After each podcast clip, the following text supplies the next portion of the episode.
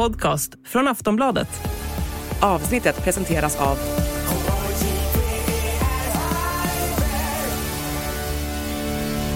Stödlinjen.se, åldersgräns 18 år.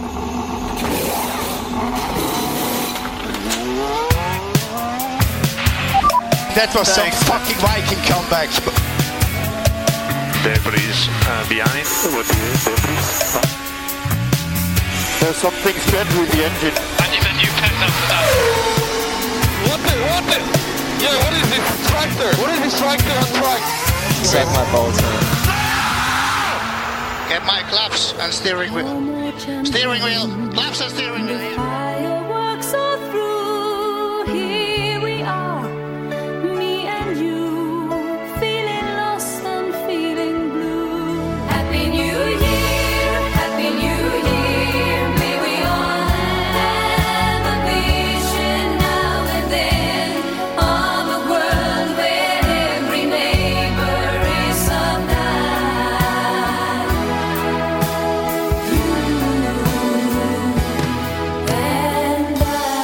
Väl ABBA och Happy New Year som är the go-to-låt när det kommer till nyår. Man ska väl inte välja någon annan, eller? Nej, för mig så är det väl den. Och sen så är det ju den här jäkla grevinnan och betjänten. Mm. Den tror jag vi pratade om när vi gjorde nyårsavsnitt förra året.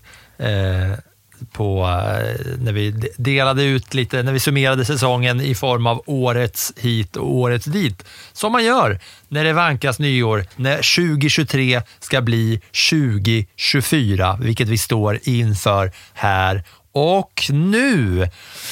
Det känns som att man vill bara vända blad nu och gå vidare mot ett nytt Formel 1-år och lämna det här överlägsna året bakom sig och titta fram mot nästa. Ja, men det kan jag väl hålla med om. Samtidigt tycker jag det är lite roligt när man eh, får möjlighet att titta tillbaka på ett år. För eh, både du och jag är lite Doris. Om vi går tillbaka till eh, fisken eh, Nemo där, Hitta Nemo. Att man, man jobbar så intensivt med ett Eh, race och en racehelg. Så för att komma ihåg alltihopa och sammanfatta det till veckans podd så är man så fokuserad på just den helgen som var att man lätt glömmer bort incidenter och småsaker från tidigare. Så det är ganska kul kan jag tycka när man ändå går tillbaka och tittar för man kommer på så mycket som ja just det. Alltså saker som hände liksom på, i Monaco eller Storbritannien eller ännu värre liksom i, i Jeddah. Det har man ju nästan glömt bort och bara pa- paketerat och stängt och låst och kastat nyckeln. Ja, och framförallt när det har fått gå lite tid. Nu har det gått ett par veckor och vi nu börjar blicka tillbaka på och man går igenom så här, vad var det som hände just under den här säsongen? När vi ska dela ut lite priser. Det är väl liksom nyårs awards, best of the year awards. Vad heter alla de här? Årets, årets priser, prisutdelning och ga, nyårsgala. Nyårsgala, det är väl Mattas nyårsgala. nåja, i alla fall ett raketregn kan man väl kalla det för. Ja, vi gjorde det förra året och vi tyckte att det var ganska festligt och kul och det kan ju vara bra här den 27 december när det här avsnittet kommer ut så är det ändå ett par da- dagar kvar till 2024. Så eh, jag vet inte om vi ska kallprata och småprata och sådär utan jag tycker vi bara vi har ett par, eh, vi har ett par priser att dela ut. Så det är väl bara att vi sätter igång och pangar på direkt. Ja, Men det tycker jag. Vi kan väl börja med den tråkigaste av alla, den som är så himla självklar. Ja, jag tänkte att vi, vi behöver inte ens dela ut den, men jag, utan att ens då giss, eller utan att då tänka så är det så att du tänker på årets förare. Ja. Det kan ju inte Lance vara... Stroll.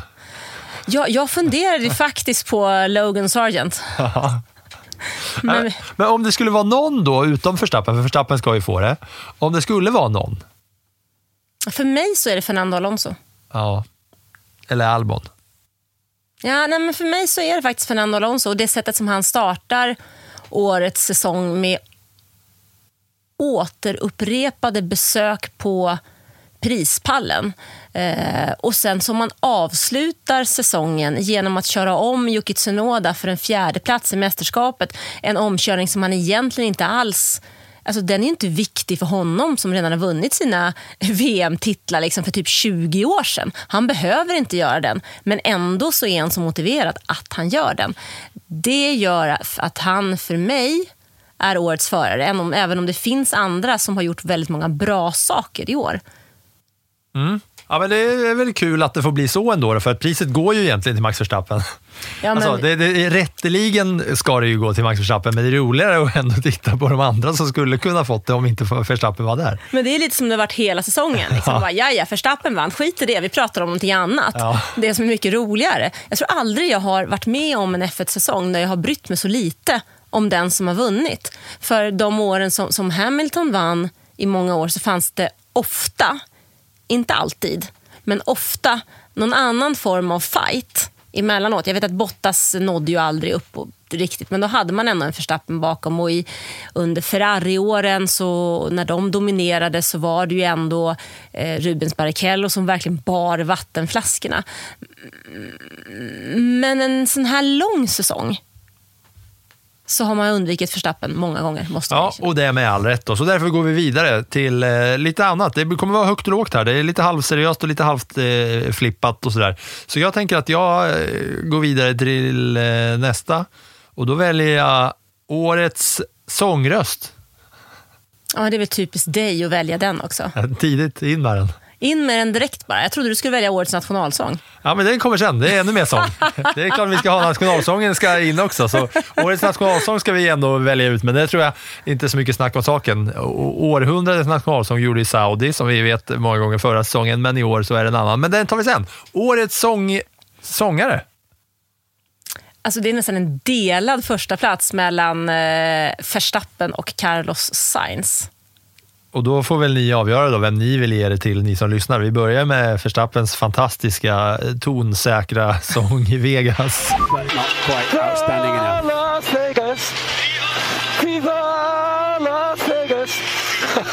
Och sen Sainz då på sin ja, men ganska så här gimmick-tråkiga eh, efter hans seger i Singapore. Baby, P1. Vamos! Vamos Fred! Vamos Ricky! What a mega job you did there. What a smart race. You know what? This is my first smooth operation in Ferrari. Smooth operator. Det är ändå lite tråkigt va, att Sergio Perez inte sjunger. Ja, vad skulle han sjungit i så fall då? Viva Mexico kanske? Vad är det för låt? Jag vet inte, det bara kändes som att det skulle heta så. Kan, kan du någon mex mexikansk hit? Ja, mariachi-versionen av F1-låten. Den kan jag. Det gillar jag. Nej.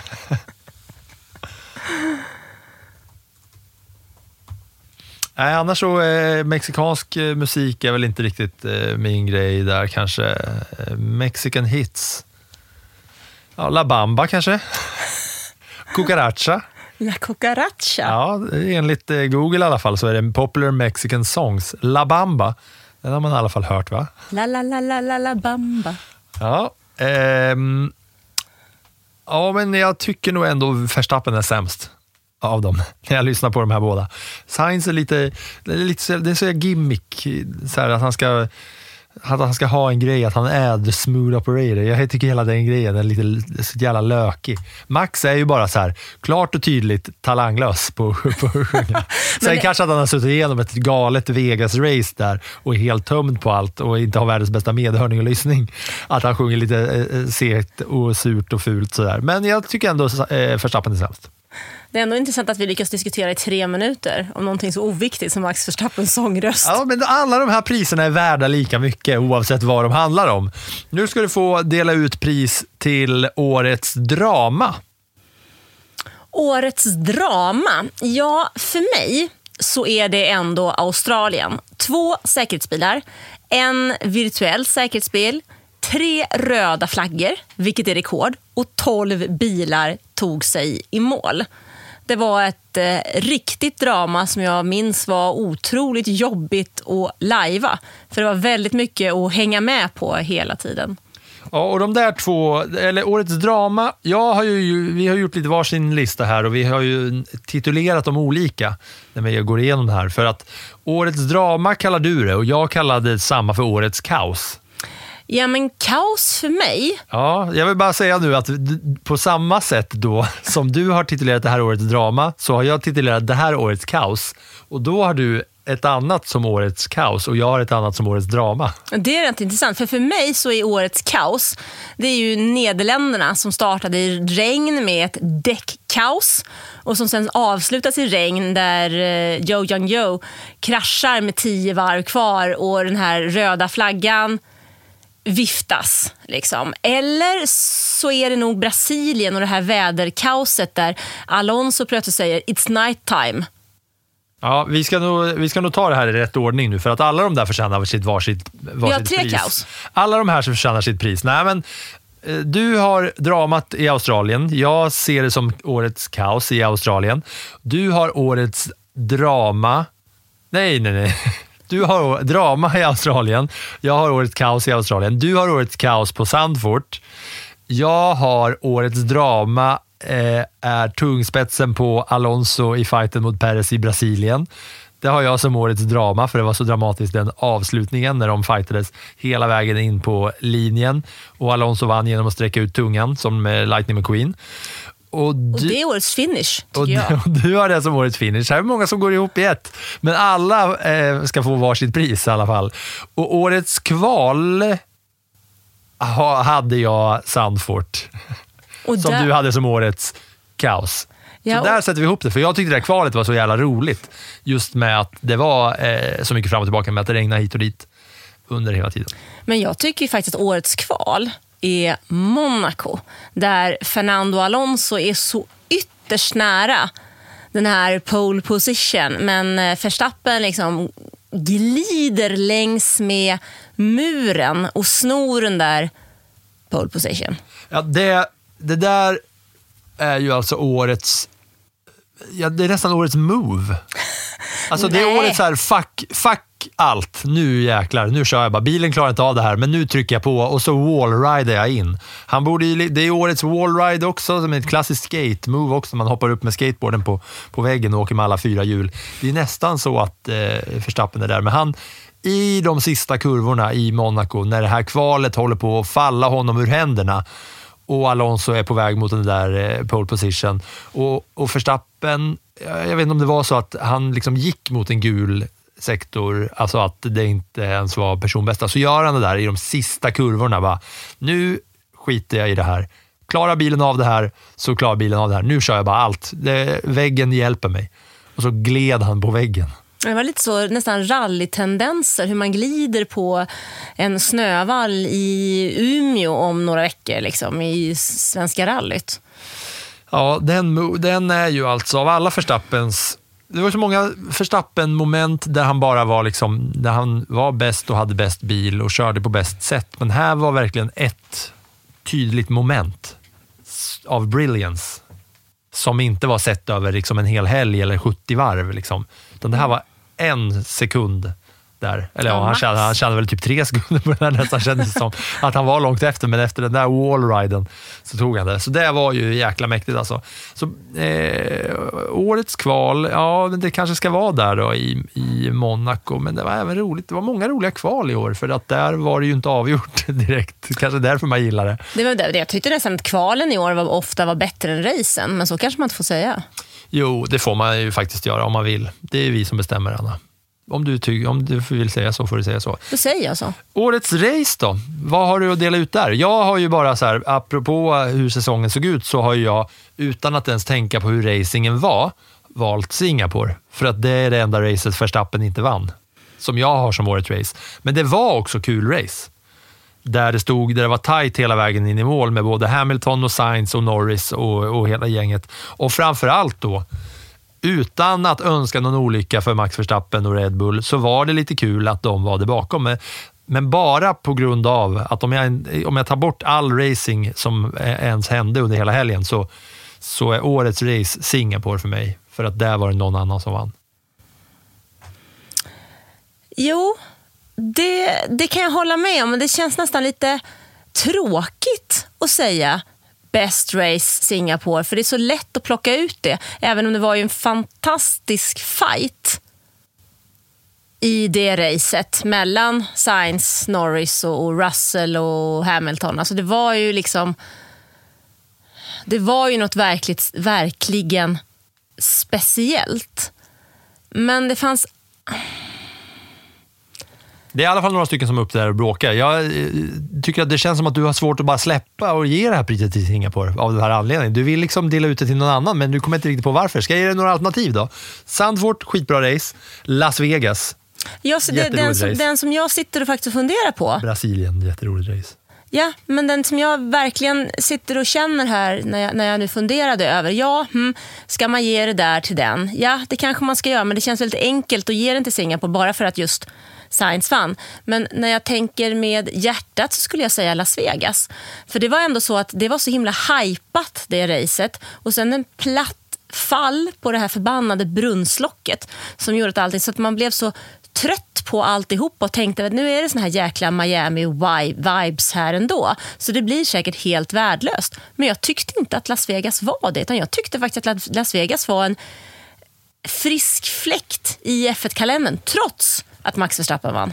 Mm, det håller jag med om. Jag tycker vi ger årets race till Singapore årets racehelg till Vegas. Ja, Du liksom delar ut lite extra där bara för att vi ska vara överens. För att Ja. inte jag ska kasta vatten på dig här tvärs över bordet. japp, japp, japp. Ja, okej då. Framförallt inte för om du ska starta något vattenkrig, då måste jag kasta kaffe tillbaka. Det är det enda jag har här på den här sidan bordet. Oh no. Och det hade inte varit så bra. Särskilt inte med den här eh, tekniken vi har framför oss. Eh, Låt det vara så då. Vi tar eh, årets omkörning då när vi ändå är inne i Las Vegas, för där var det en eh, finen. Ja, det var det ju. Den fighten alltså. Charles Leclerc mot Sergio Perez. Och när han slog, snor andra platsen liksom i den allra sista bromszonen på det sista varvet. Det är ju så jag vill att F1 ska vara. Mm, exakt så, och det var ju jäkligt kul. Verstappen var ju redan, redan eh, klar, man visste att det inte skulle spela någon roll där med de andra där bakom. Men Perez som kör om Leclerc, som då ser ut som att Perez kommer nu gå in som tvåa och Leclerc då som i absolut sista kurvorna där tar sig förbi Perez igen. Sista om- inbromsning efter långa rakan, lilla chikanen och sen in på den där sista. Ja, det, är- det är faktiskt årets omkörning. Men om man tänker liksom då ändå här på eh, Perez, han har tappat lite grejer precis på målflagg i år alltså. Både Alonso Och och, det var tajt. Leclerc. Ja, det var, ju, och det var ju också i närtid mellan varandra, Mm. eh, de två. Först Brasilien och sen eh, Las Vegas. Mm. Mm. Eh, Men, eh, ja, men den, var ju, den var ju otrolig. Och just också att den toppade av då ett, eh, ett grymt race. Mm, men verkligen, verkligen. Jag tycker att eh, Las Vegas var väldigt hypad. Jag var lite rädd för att det skulle bli platt fall. Men jag tycker ändå att det passar in i Formel 1 under den, eh, på det sättet som det genomfördes. Jag var, tyckte att eh, Las Vegas var mer var bättre än Miami som var en ren eh, sengångare. Det är som här, eh, vad heter han, eh, Flash i den här Disney-filmen. Som sengångaren som pratar så otroligt långsamt på Trafikmyndigheten. Ja, Isotropolis. Otrolig heter film. den, ja. Ah, Ja. oh, wow, vilken bra film det är. Alltså. Ja, där har lite musik också. Ja, jag älskar den. Ja, musiken där med Shakira är inte lika bra som hela filmen. Tycker jag. Jag tycker den är lite lam eh, mus- musikmässigt. Men jävla bra rulle alltså. Mm. Zootopia. Tråkiga. Och där kändes det... Li, det jag, Miami är lite mer... Ja, Miami har lite att leva upp till nu tycker jag. Alltså när Vegas har kommit in som liksom den nya... Ja, men, och det som är lite intressant är ju att man flyttar sprinten till Miami till nästa år. Det blir ju sex sprinter nästa år. Eh, de två som blir nya är Kina och sen Miami. Försvinner gör Azerbajdzjan och Belgien. Eh, övrigt är det samma som det var då under 2023. Och en sprint i Miami? Jag vet inte riktigt.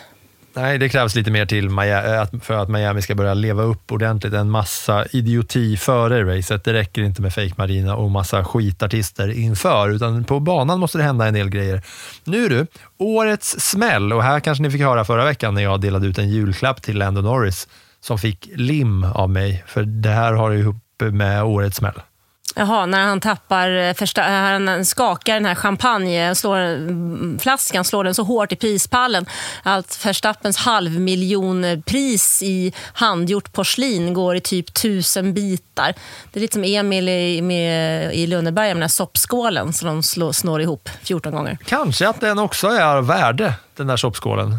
Alltså, den, den riktiga fysiska soppskålen som var med i originalet i Emil i Lönneberga. Vem vet, vem vet? Om den nu finns någonstans. Vad sa du, var Förstappens eh, en halv miljon, va? var det inte det?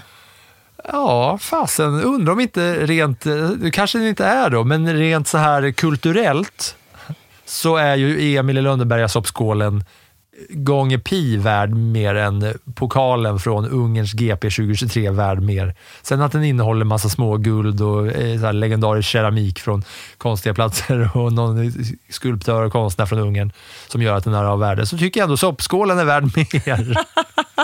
Soppskålen från Emil Lönneberg är värd mer än den ungerska pokalen som Lando Norris då köttade sönder. Och det har man ju- alltså någon gång i livet ska jag testa och göra som Norris. Jag har aldrig sabrerat en eh, champagne någon gång, eller någon slags bubblig flaska, men det har jag sett folk göra med både liksom mobiltelefon och golfklubbor och ja, böcker. Och, ja, kanske inte bok, jag har inte sett, men knivar och allt sånt där. Liksom. Eh, det gjorde min polare Falken, gjorde det på nyår hemma hos mig faktiskt, ville testa. Och då, då smällde vi upp en flaska på sabreringssätt. Men som Lando Norris har vi inte gjort det någon gång. Man dunkar champagneflaskan i backen så att korken flyger upp och att pokalen går sönder. Nej. Det var ändå årets eh, smäll och snyting. Ja, men det kan jag tycka. Nu kommer jag med lite tråkigare. Mm.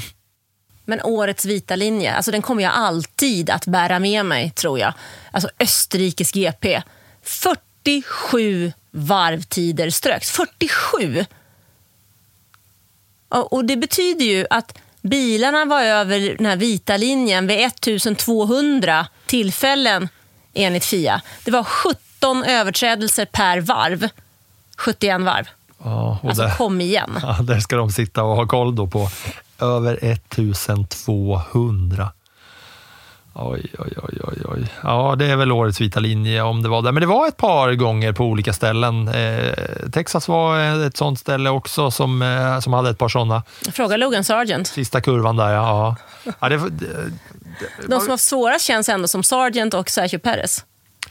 Eh, ja, det stämmer bra. Och det var även en sån eh, julklapp som de fick av mig eh, förra veckan.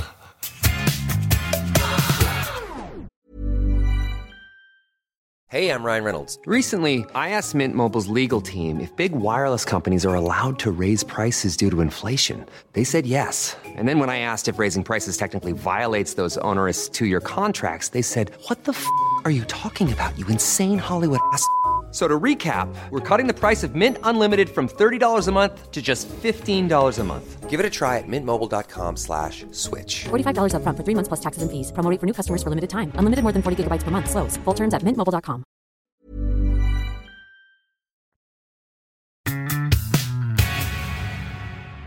Årets Hela havet stormar kan väl bara gå till ett team, va? eller ska det gå till de här tre personerna som, som tävlade om... I Hela havet stormar så är det ju så att man är ju ett antal människor som tävlar och så är det en stol mindre. Men i det här fallet så var det tre personer som tävlade om en stol. Och det är ju stolen i Alfa Tauri. De Vries började, fick eh, lämna med svansen mellan benen och han kör numera VEC, bland annat. Ehm, sen kom ju Daniel Ricciardo och bröt. Som en bomb ändå att han kom tillbaka in i F1. Det, det är så här, nu, nu när säsongen är klar så är det så här, ja, Ricciardo kör F1 igen. Men det var ändå så här, ja, vi började säsongen utan Daniel Ricciardo. Vi började, men någonstans kändes man ju ändå att de hade ju inte petat in honom i Red Bull om det inte hade varit liksom i deras förar eh, uppställning eh, som en lite så här eh, wild horse. Om det inte hade varit så att de var intresserade av honom på ett eller annat sätt. Och eh, ut med De Vries, in med Ricciardo som dessutom passade på att drabbas av en fraktur i handen. Ut med De Vries, in med Ricciardo, in med, in med Ricciardo i barriären. Ja, ut Och med Ricciardo. Och så in med Liam Lawson. In, ut, in, ut, in, ut. Stä- Ställ er i ordning här så att ni är beredda. Ja, men du först älskling. Och så så fort det blixtrar. Ut fort som fan! Ja, men vi skämmer ut då. Skitsnack! Så ja, vänta nu. Alla klok. beredda? Så! In! Ut! In! Ut! In! Ut!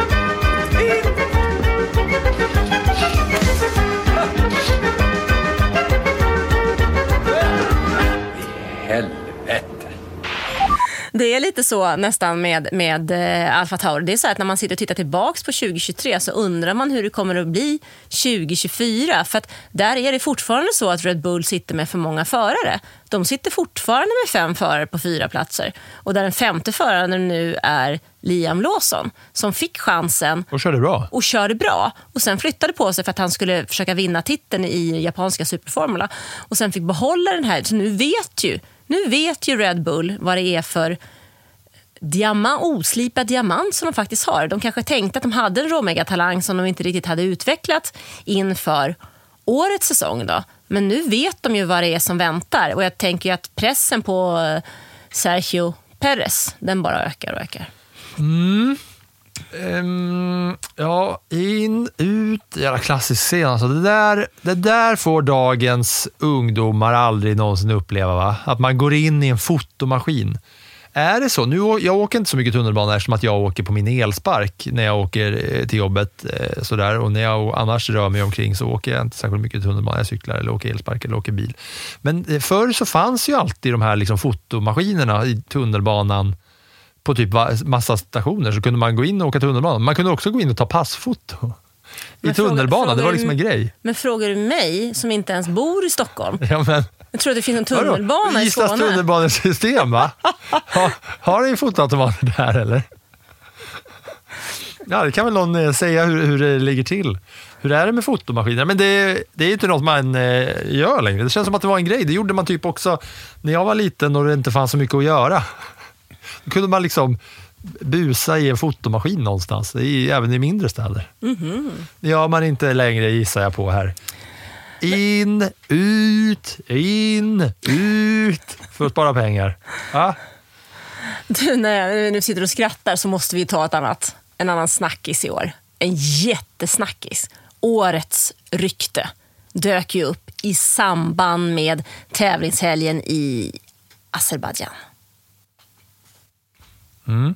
Och det var så här att det ryktades om en romans mellan Fernando Alonso och den eminente Taylor Swift som har gjort ett av världens bästa album genom alla tider eh, och en av världens största artister i stunden. Så en av eh, racingvärldens största förare och den här då Taylor Swift. Eh. Men så var det inte va? Så var det inte. Det började ju egentligen med att Fernando Alonso la upp eh, ett inlägg på sociala medier där han spelade en av hennes låtar. Jag tror att det var Karma. Och grejen med Taylor Swift är ju att hon lägger små gåtor i allt hon gör. I allt hon gör så finns det små hänvisningar och små gåtor. De kallas för så här Easter eggs, tänker jag, i, i USA. Så det finns alltid små Eh, finurliga grejer i allt hon gör, vilket skapar ett enormt surr, snack och väldigt mycket rykten. Och när Alonso då lägger upp hennes musik så börjar ju snacket. För då börjar ju de här Swiftisarna fundera. Och sen kan han dessutom inte svara på de här frågorna utan han blir ju lite generad. När han Känner får också att han tjänar på det här. Ja, en PR, aning. liksom. Ja, skoja inte. Det måste nu- vara årets PR-grepp Ja. dessutom. Ja, jag ska sko mig på den här, jag tänkte säga unga, men hon är lika gammal som mig. Jag är inte så jävla ung. Men ändå att han ska sko sig på en yngre då. Eh, Han är väl tio år äldre. Kvinnlig artist, eh, får man väl eh, tycka vad man vill. Det, apropå eh, lämna i gåtor så här, det är ju något av något, eh, det jag ser fram emot väldigt mycket med 2024, att jag ska gå på Taylor Swift själv, va? för det är en av mina stora. Men alltså Taylor Swift, hon avslutade ju hela den här spekulations eh, med att eh, köra Karma då live. Jag vet inte om det var i Argentina när hon stod och sjöng Karma. Och så, för det var ju eh, Trevor Kelsey som eh, spelar i Kansas City Chiefs, NFL i USA. Va? Där hon sjöng Karma-låten, så sjöng hon Karma is the guy on the Chiefs.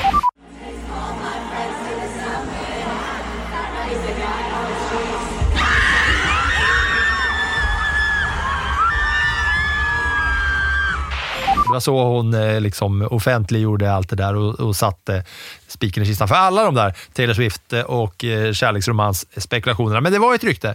Ett annat rykte som jag bara vill lobba upp här för årets rykte. Vi har ju gett det till eh, Alonso som startade det där själv. då. Men eh, det var ju i två och en halv sekund ett rykte om att eh, Lewis Hamilton och Red Bull var i snack med varandra. Ja, och Lewis Hamilton och Ferrari.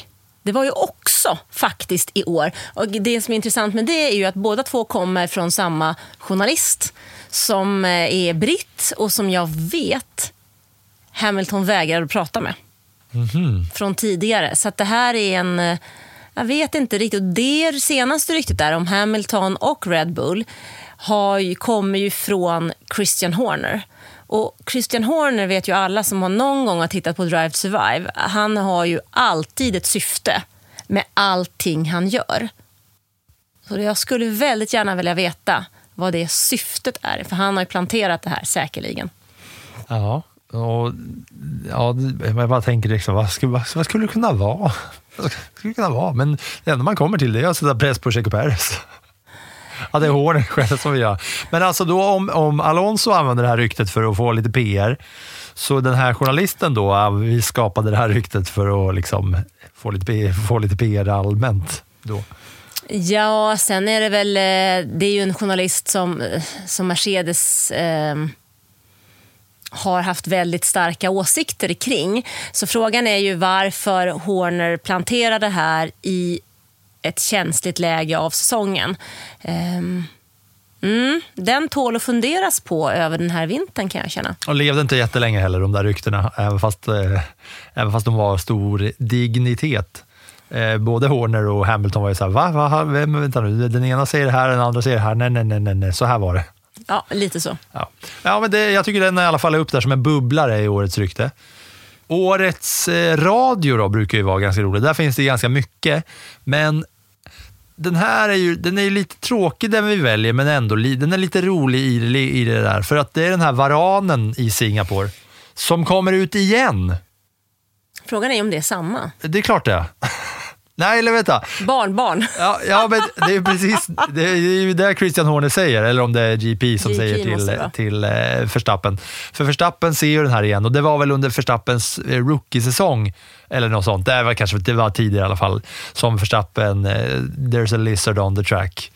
Och sen då går det massa år, vi kör på Singapore och så there's a liz- lizard on the track again, Maybe Godzilla had a kid. är vad Christian Horner säger. Shinoda. Oh, there's a lizard again on the track. A smaller one this time. Okay, understood. Maybe Godzilla had a kid.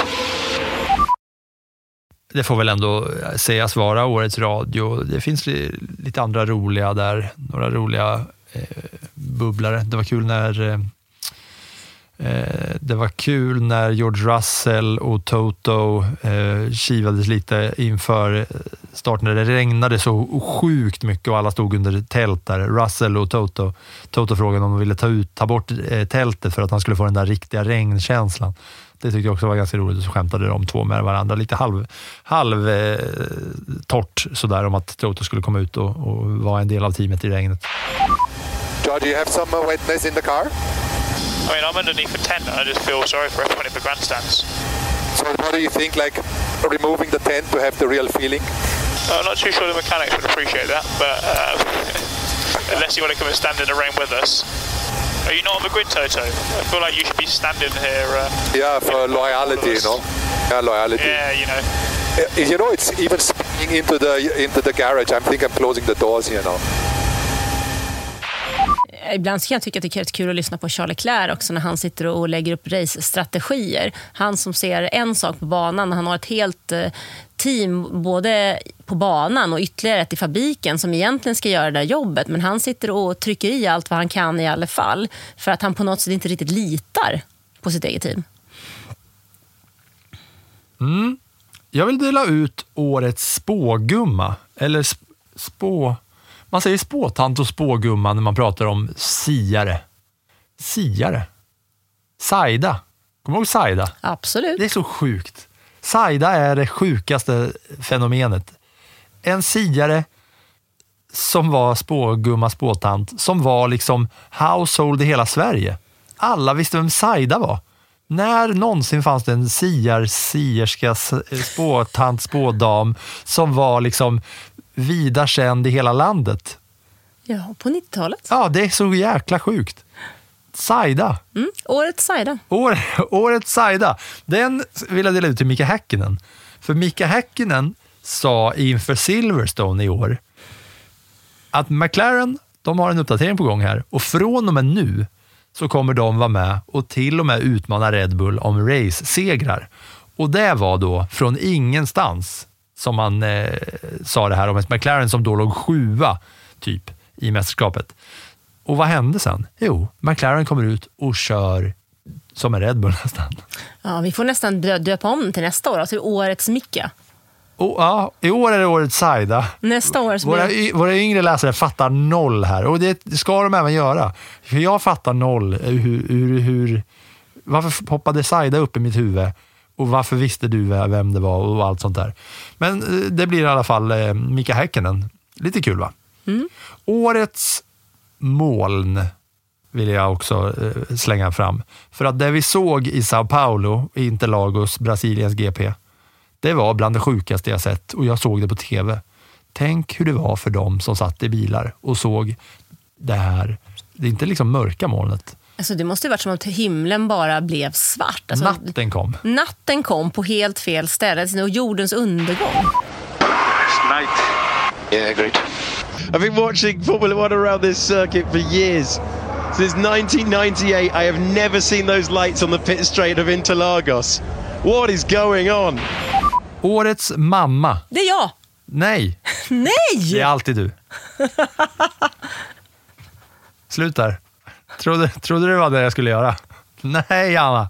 Årets mamma. Du må vara eh, mamma åt eh, handbollsspelande ungar som ska eh, snart sätta på sig liksom, OS-medaljer och sånt där.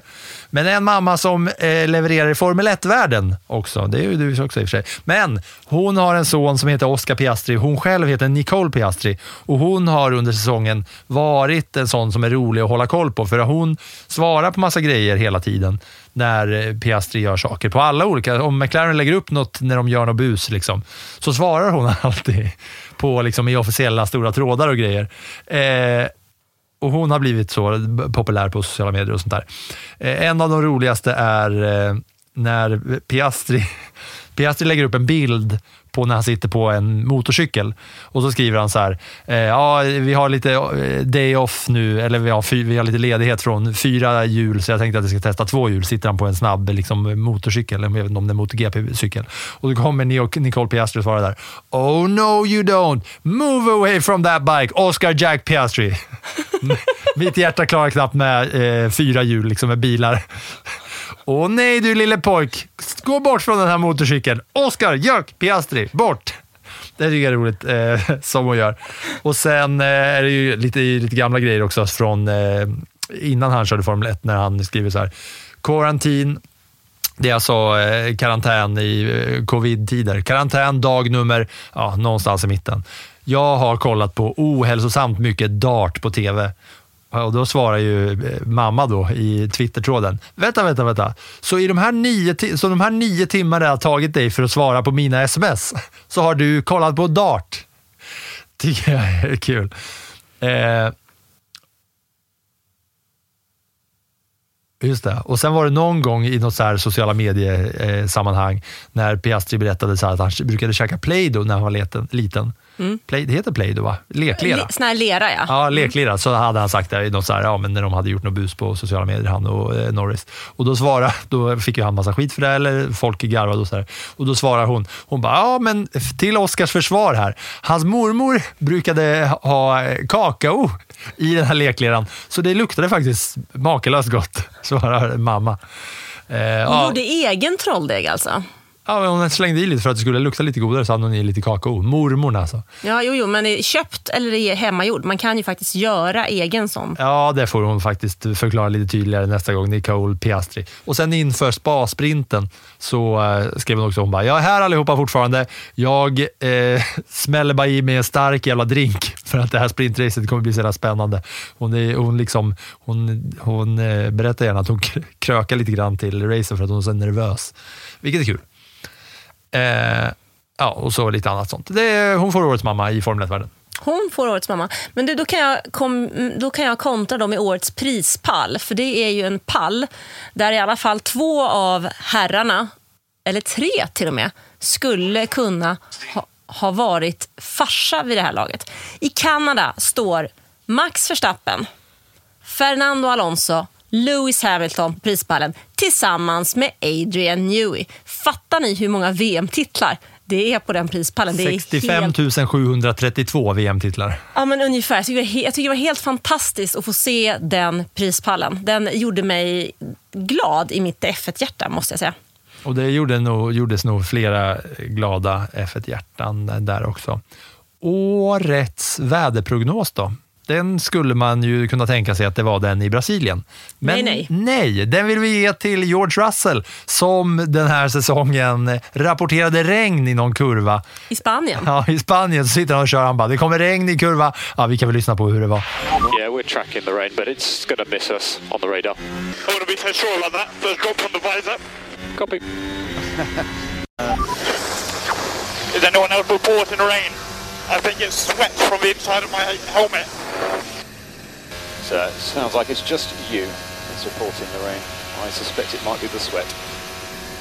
Lewis, 19.3. Och sen då när han kommer tillbaka, det är så jävla roligt att han först rapporterar regn, sen går det lite stund så bara, vänta, är- är det någon mer som rapporterar regn? Nej, George, det är bara du. Det är, det, det är regn inuti hjälmen för att du svettas. Så det var faktiskt en bra väder, eh, väderprognos. Framförallt är det så kul också, för han ska alltid vara den duktiga pojken, Russell. Som är så duktig att rapportera att det regnar borta i en kurva. Och så är han så snett på det. Det tycker jag är roligt. Hey, I'm Ryan Reynolds. Recently, I asked Mint Mobile's legal team if big wireless companies are allowed to raise prices due to inflation. They said yes. And then when I asked if raising prices technically violates those onerous two year contracts, they said, What the f are you talking about, you insane Hollywood ass? F- So to recap, we're cutting the price of Mint Unlimited from $30 a month to just $15 a month. Give it a try at mintmobile.com slash switch. $45 upfront for three months plus taxes and fees. Promo for new customers for limited time. Unlimited more than 40 gigabytes per month. Slows. Full terms at mintmobile.com.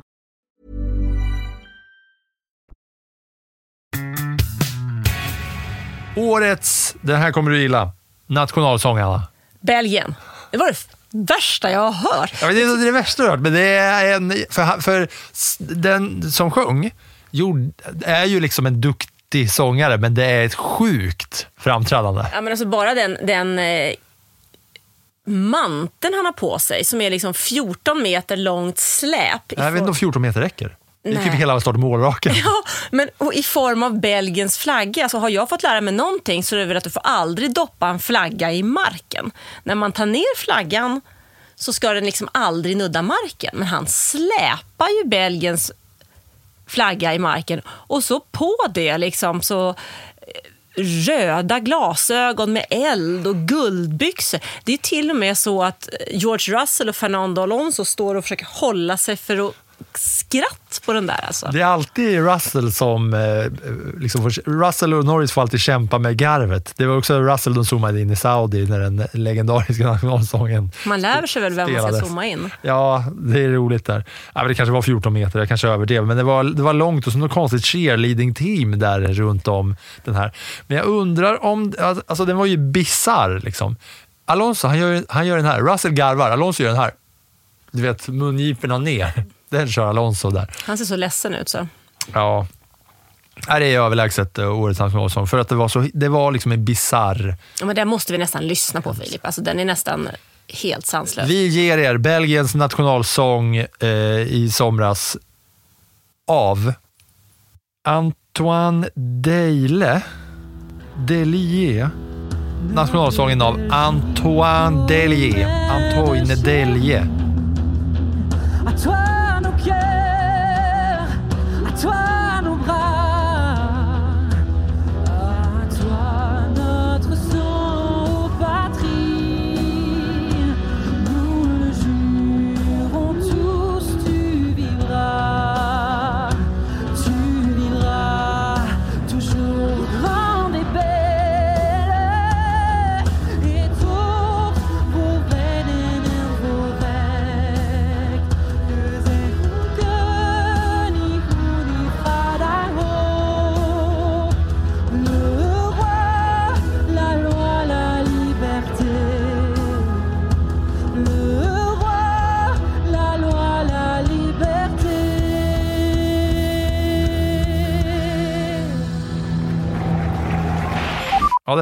Har du någon mer liten eh, nyårskaramell du vill eh, dela ut? Jag har faktiskt två. En eh, som jag känner vi kan döpa till årets pole position. För Jag tycker faktiskt att det är Lewis Hamilton i Ungern. när Han är 3000 delar före Max Verstappen och han tar sin första pole position efter Saudi 2021. Eh, och hans nionde pole position i Ungern på Hungaroring. Och han var jätteglad också. Ja, jo, men den är ju, han visste väl antagligen redan då att han inte skulle ha chans att vinna racet, men det kändes ändå som att det var årets topp för Lewis Hamilton.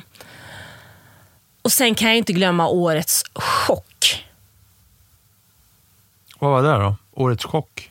Alpin som sparkar Ottmar Safnauer, Alain Permet i samband med eh, sommaruppehållet. Nick Fry får också lämna. Det var otroligt händelserik helg för alpin. Och jag, Ja, det kom från ingenstans också. Eller ja, ja, men det kom så, alltså, de har haft så, ja, det var så stort och så många nyckelpersoner som har fått flytta på sig i det där teamet som har ändå haft en stor förhoppning om att nå någonting och uppnå resultat och de har haft en långsiktig satsning. Och så bara, Det är som att gå med sopkvasten, liksom bara svopp, svopp och sen är de väck. Och så ska man hitta, försöka hitta att förarna ska försöka hitta sig själva och sin egen plats och teamet ska försöka hitta sin egen plats i den andra halvan av säsongen.